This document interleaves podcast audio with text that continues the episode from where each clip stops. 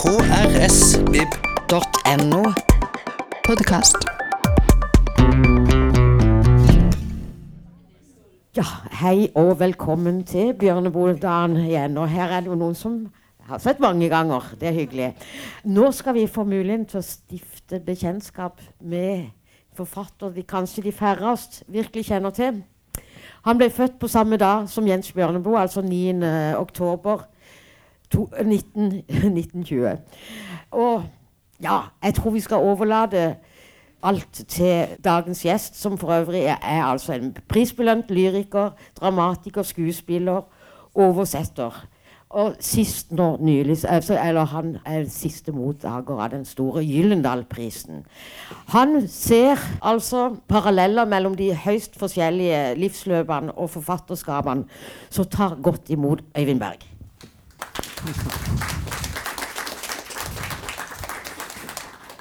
Takk, takk. Dere hører meg rimelig Jeg hører meg i hvert fall, så da er det vel greit for dere også.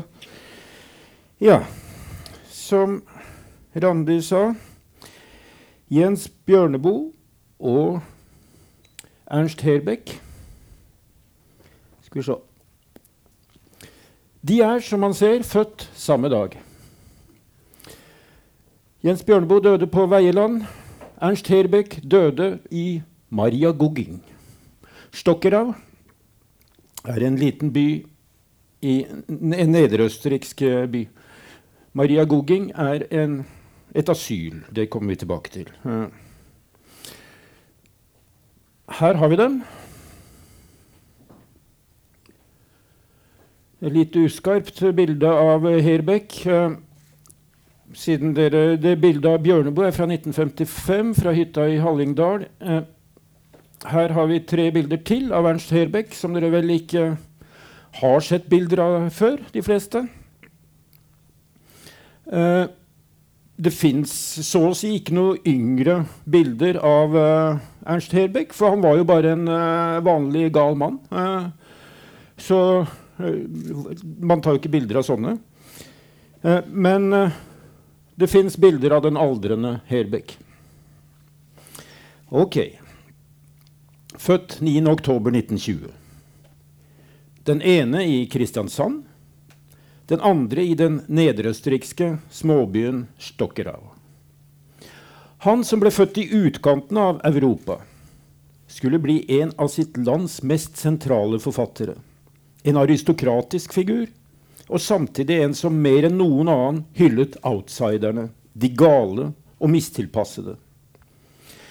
Etter en allerede omfattende og omstridt produksjon fikk han sitt utvilsomme og varige kan du si, gjennombrudd med romanen 'Frihetens øyeblikk' i 1966. Samme år debuterte Ernst Herbeck under, under dekknavnet Alexander med 83 dikt i sin psykiater Leon Avratils bok 'Schizofreni und Sprache'. Ernst Herbeck var denne outsideren som Bjørneboe hyllet. Mentalt syk og psykomotorisk sterkt hemmet. Han ble nemlig født med hareskår, som medførte talevansker og utallige operasjoner. Det er et tjuetalls operasjoner, i hvert fall, langt opp i voksen alder. I tillegg slet han med tunge psykoser. I 1940, da hele Europa ble et eneste stort galehus, ble 20-åringen Herbeck for første gang sperret inne på et galehus som schizofren og begynte en langvarig terapi med insulin og elektrosjokk. De første tre månedene fikk han 60 sjokkbehandlinger. I 1944 ble han friskmeldt som kanonføde. Men et par måneder før krigens slutt ble han erklært kampudyktig. Deretter bar de inn og ut av klinikken et par ganger, inntil han ble hospitalisert for godt i mai 1946. På Niederösterreichischen Landesnervenklinikk Maria Gugging.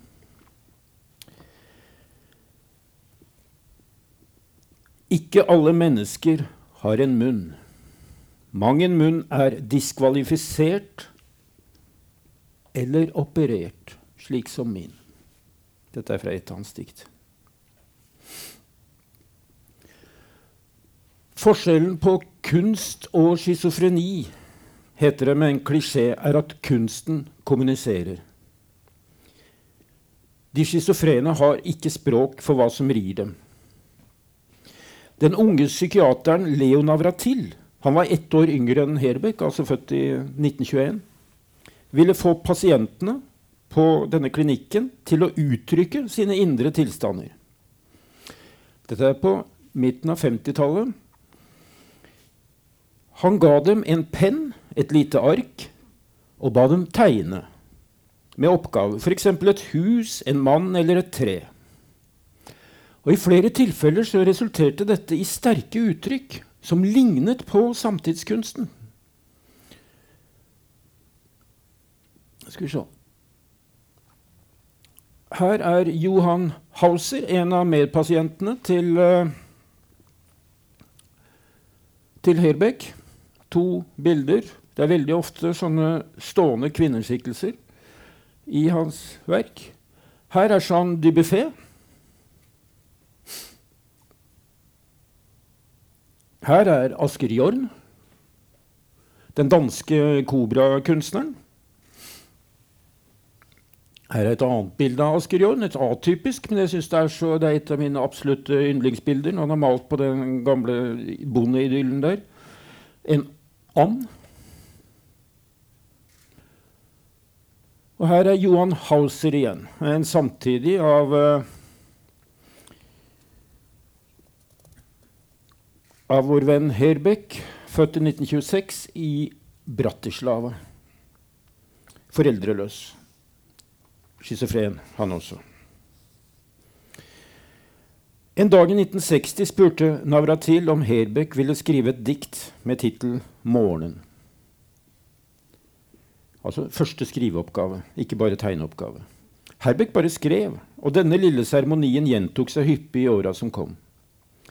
De 83 diktene Navratil publiserte i sin bok om schizofreni og språk, vakte oppsikt.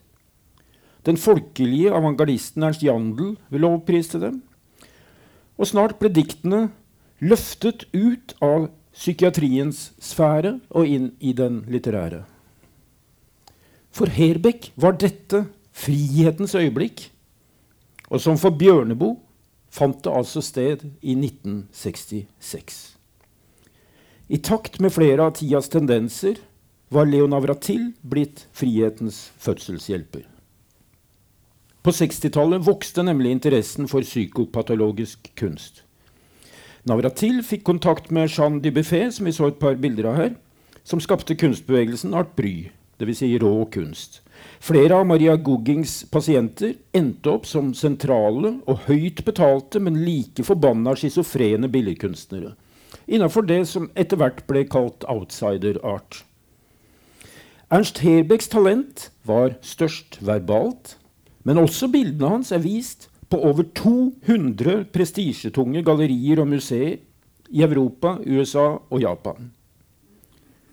Fra å være et anonymt psykiatrisk kasus ble den kjederøykende, stillferdige pasienten Han er jo stillferdig av gode grunner, for han hadde talevansker. En av 1900-tallets store schizofrene suksesser. En crossover-figur i dobbelt forstand og på flere måter. Mentalt, kunstnerisk, patologisk kommunikativt. Ernst Herbeck han ble umyndiggjort i 1950, altså da han var 30 år. Alt er altfor mye forgjeves, sa han.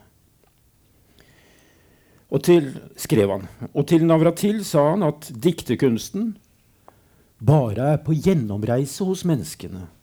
Kort opphold. Og han skrev at sitat, poesi lærer man av dyret som befinner seg i skogen. Herbeck forholdt seg inkonsekvent og nonsjalant til grammatiske regler, stor, liten bokstav og alt slikt. Han kunne bryte av midt i et setningsledd og begynne på et annet, mens den uavslutta meningen ble stående og vitne om noe tredje, noe han ikke sto inne for da teksten fikk og tok form. Likevel ga de grammatikalske normbruddene mening. Vi skal se eksempler på det etter hvert. Hva setningslogikken mister i konvensjonell forstand Unnskyld. Erstattes av en verbal tilstedeværelse som kan gi et springende psykotisk inntrykk. Alt Ernst Herbeck skrev, ble skrevet på oppfordring. Unntaksvis ble han bedt om å velge tema, motiv, overskrift selv. Og konstruerte da titler som 'Menneskemann' eller 'Du gledeshelt'. Hans borgerlige navn ble avslørt i forordet til Aleksanders poetiske tekster i 1977, ei bok som solgte 10 000 eksemplarer. Til tross for grove talefeil begynte han også å lese opp offentlig. Han ble valgt inn i den lokale forfatterforeninga, Gras eh, forfatterforening, og fikk fyldig omtale i aviser, i radio og på TV. Og i 1979 kom boka 'Skjelvende hjerter i hundekropper', illustrert av medpasienten Osvald Schirtner. Jeg skal prøve å rense den halsen mens dere nyter de skjelvende hjertene.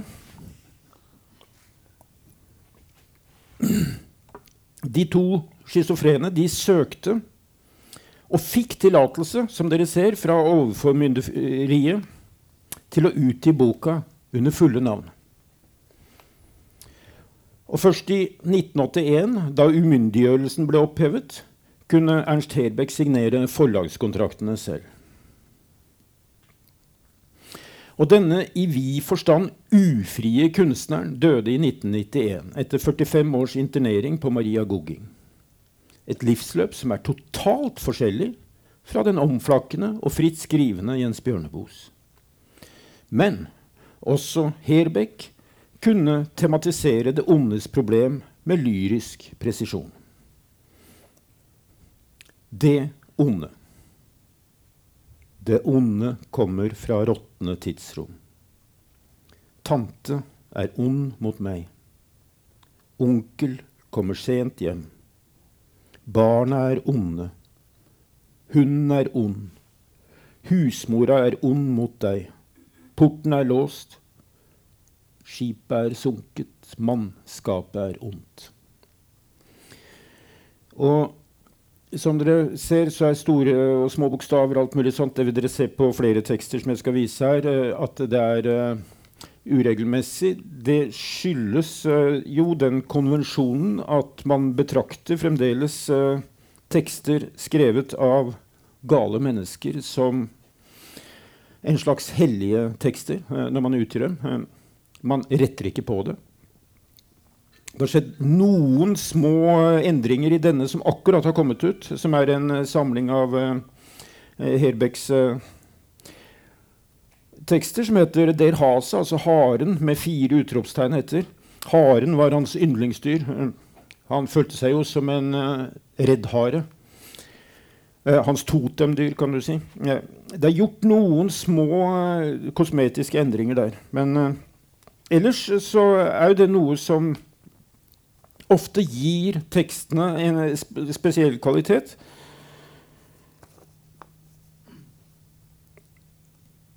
Og når jeg leser Ernst Herbeck, så får jeg følelsen av å befinne meg under huden på Jens Bjørneboes skygge. Dette er en pirrende rar følelse, for skyggen kastes jo flatt på bakken, men den treffer også alt som beveger seg mellom jordskorpa og mannen. Det er som om denne umelende dobbeltgjengeren av en skygge plutselig har grepet ordet, og om ikke tatt til motmæle, så i alle fall hevet røsten. Denne følelsen ble enda sterkere den dagen jeg oppdaget at de to ble født på samme dag, for alt jeg vet, i samme øyeblikk.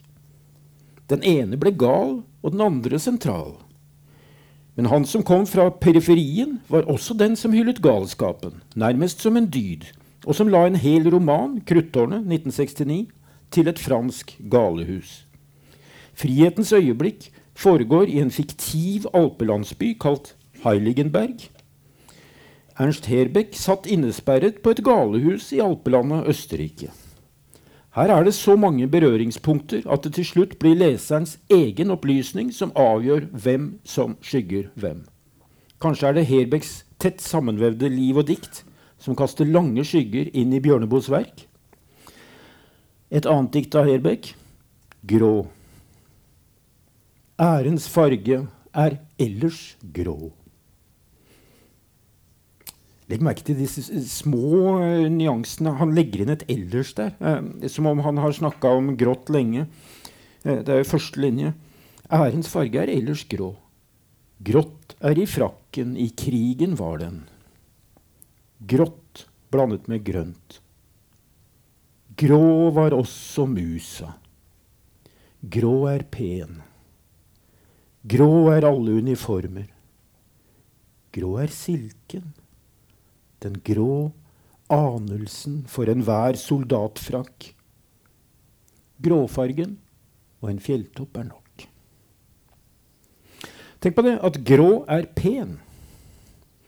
Dette minner meg om en av de mange lyriske passasjene i 'Frihetens øyeblikk'. Den som via sjømannsminnene fra Amerika og Nordishavet innleder en lang betenkning om de lyse løvskogene som gror av den fruktbare jorda på Europas krigskirkegård. Nå skal Rolf få noe han husker fra Her. Gamle hus er vakre. Slumgater, horehus, fengsler og havnekvarterer er vakre. Havet er vakkert. Fjellene, slettene, Skogene er vakre. Det er en merkelig jord man våkner opp til. Man gnir seg i øynene og ser.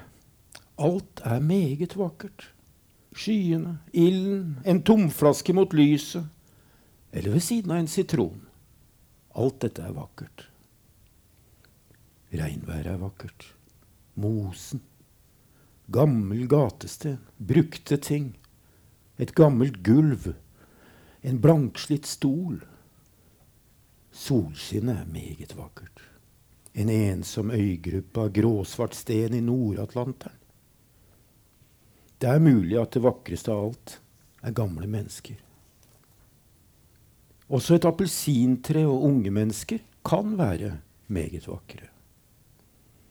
En gammel tomkasse med slitte varemerker og utvaskede, farvede merkelapper på er en meget vakker ting en lirekasse, en velbrukt brødfjell og stenene på en strand. Havet.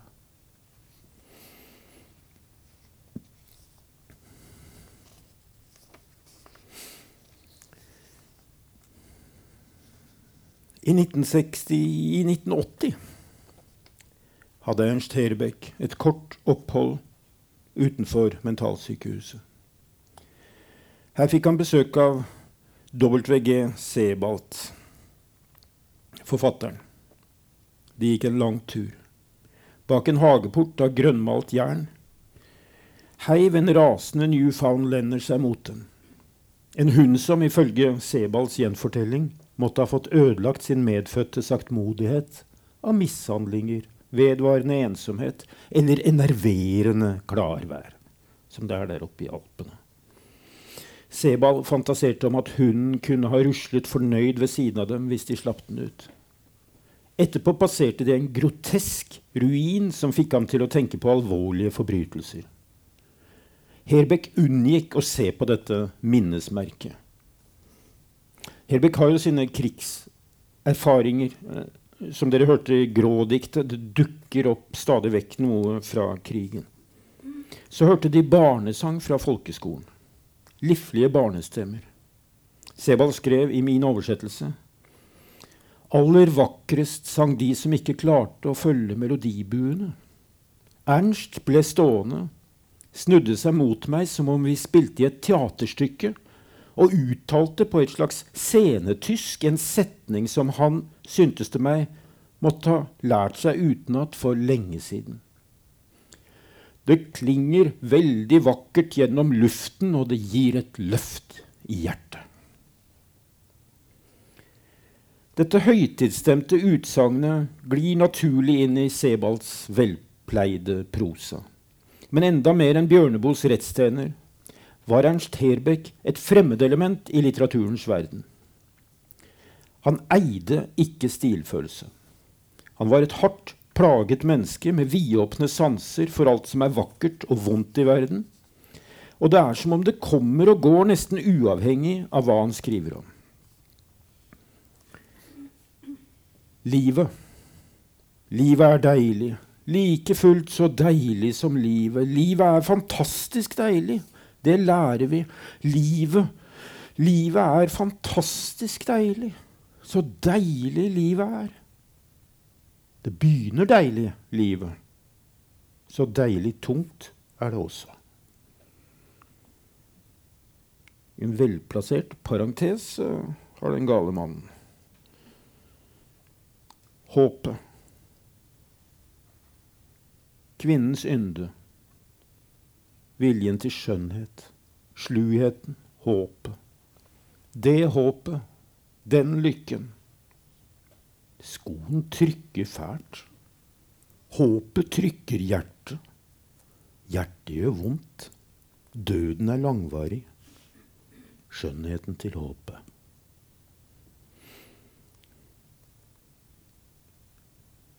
En vakker måne. Munnen til en dame sto på himmelen.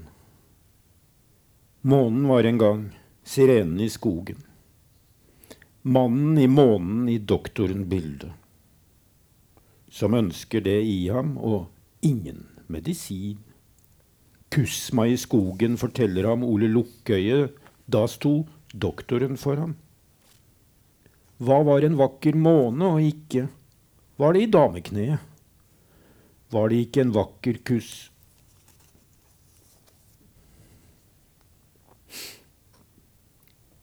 Her har jeg lagt inn et hvilebilde som ikke kommer fra Maria Gogging, men som er fra en annen outsider-kunstner. Uh, uh, Henry Darger er min favoritt. Uh, det er Vivian-jentene fra Chicago. Ernst Herbecks verk forteller om dikteren og hans skjebne. Et menneskeliv frigjort i litteraturen anno 1966. 'Frihetens øyeblikk' er en roman, altså en fiktiv fortelling. Men en roman hvor fortelleren av og til låner så mange trekk fra bokas forfatter at det undergraver fiksjonen. Motsetningen mellom den selvutslettende rettstjeneren og den vanvittig velskrivende fortellerinstansen blir for stor. Likevel består ikke romanen av skriftstykker i stil med Sebalds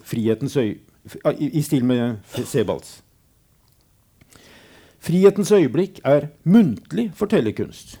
Noe Tone Avenstrup og jeg ble klar over da vi satte sammen 'Frihetens øyeblikk' og 'Uten en tråd', Bjørneboes to romaner fra 1966, til det dramatiske verket som skulle bli teatergruppa Baktruppens første forestilling. Det er Rolf som sitter her nede med, med, som skuespiller. Eh, den tre og en halv time lange 'Ja, jeg går over til hundene' i 1987. Vi trengte ikke å skrive om replikkene i det hele tatt. Hele den dramatiske teksten ble klippet rett ut av de to romanene og limt opp på lange papirruller som vi etter hvert overførte til A4-ark. Alt som står i disse bøkene, kan sies fra en scene. I dag som i 1987. Og det låter helt naturlig. Ukunstlet. Ikke litterært. Dette er desto mer forbløffende når vi tenker på hvor mye historie boka rommer. Én ting er å fortelle om et enkelt livsløp i romanform.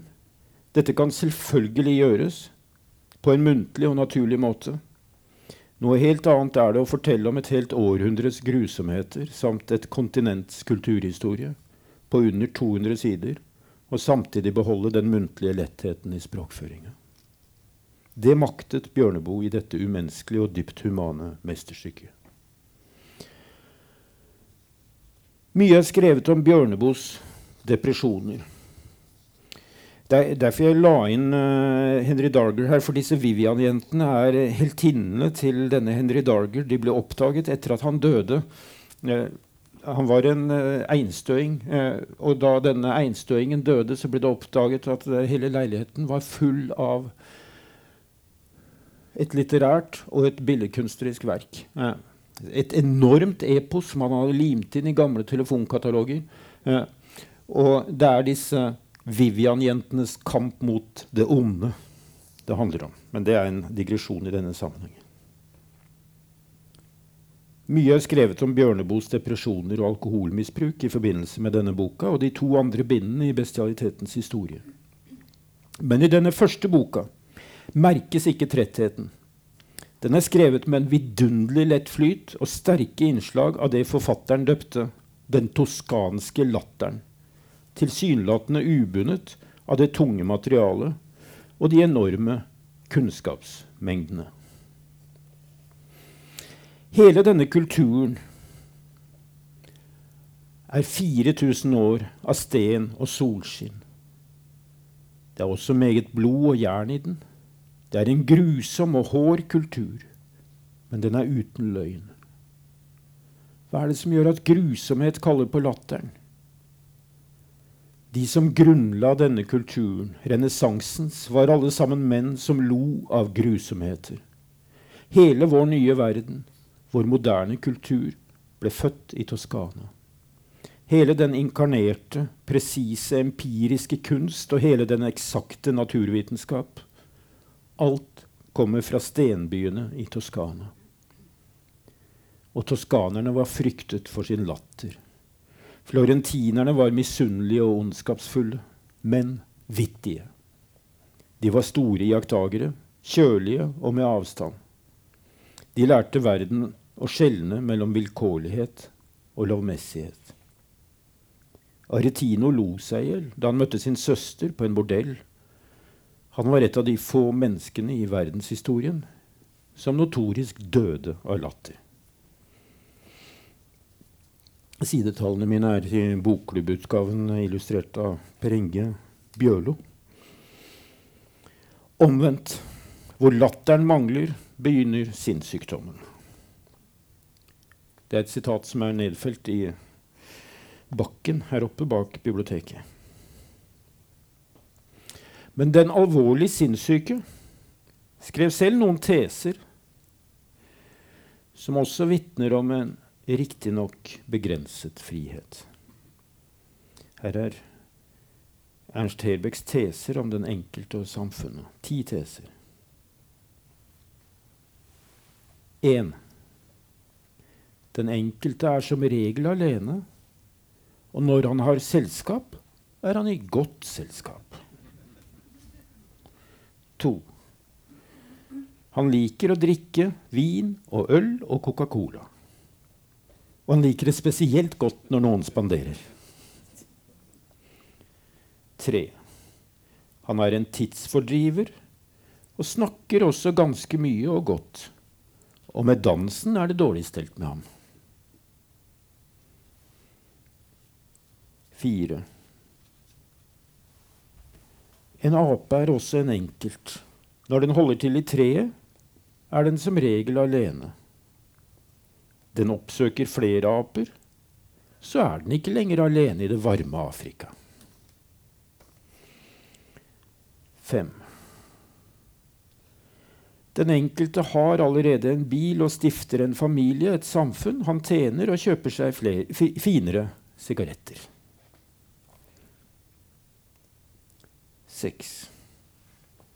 En ordentlig reddhare er som regel den enkelte. Han finner seg et vedheng, en familie, til de blir skutt om høsten. 7.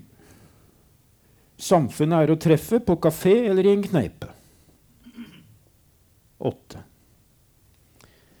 Drankerne utgjør også et samfunn, så å si en kortstokk de spiller seg ned fra 24 til dagdriveri. Og den som vinner, har det. 9. Den enkelte er også en elefant. Den går også i et samfunn og drar i felles flokk. Den enkelte blir som regel skutt ned. 10. Den enkelte er også en gjedde. Og røver den, så røver den i et samfunn. Den blir gjerne spist av et samfunn, i et bryllup og lignende, og også når den enkelte har bursdag. Den enkelte er et juletre. Det står i skogen.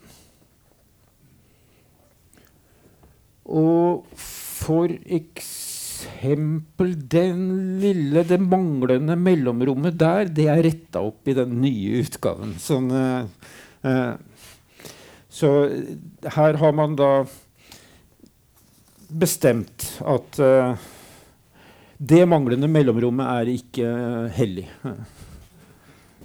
lenger. Det er egentlig det jeg har, men jeg har tenkt også å lese tre dikt til. Tre av fargediktene hans. Han skrev mange fargedikt eh, fordi han selvfølgelig ble bedt om det. Og rød. Rød er vinen. Røde er nellikene. Rød er pen. Røde blomster og røde. Farge på det er pent. Den røde fargen er rød. Rød er fanen, rød valmuen. Røde er leppene og munnen. Røde er virkeligheten og høsten. Røde er mange blå blad. Så vi kan uh, høre hvordan han kverner rundt begrepet, forsøker å definere hvordan han er relativt fritt assosierende, og hvordan han innimellom tenderer mot noe aforistisk. ikke sant? Det er en sånn tetthet. Uh, og han sa selv at uh, For han har rimeligvis ikke sagt så mye om produksjonen sin, om diktninga og sånt, men han sa det at det viktigste er begynnelsen og slutten. Så det som kommer innimellom, er på en måte ja, ikke fullt så viktig. Så skal vi se på gul. Gul er jordas sand. Gul er fargen på de urokkelige skoger. Gule er blomsterhjertene. Gule er asters. Gul er enga, penga. Frangen er gul, brunett. Jeg har sett en gul frang. Gul er f.eks. min pensel. Han skrev noen få, en håndfull ting på engelsk, eh, som slett ikke var hans eh, morsmål. Men han skrev en håndfull som er full av morsomme stavefeil. Ja. Men her har han fått inn en blyant på engelsk.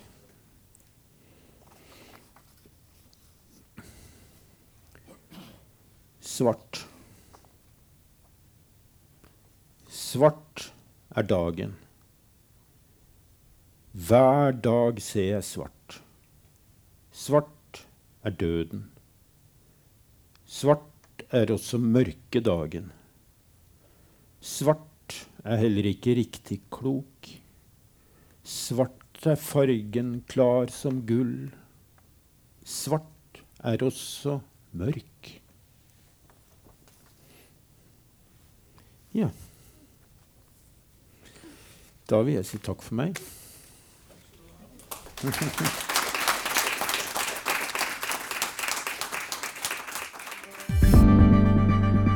Flere podkaster fra oss finner du på Google Podkast, Apple Podkast eller iTunes, eller ved å stikke innom vår hjemmeside på krsbib.no.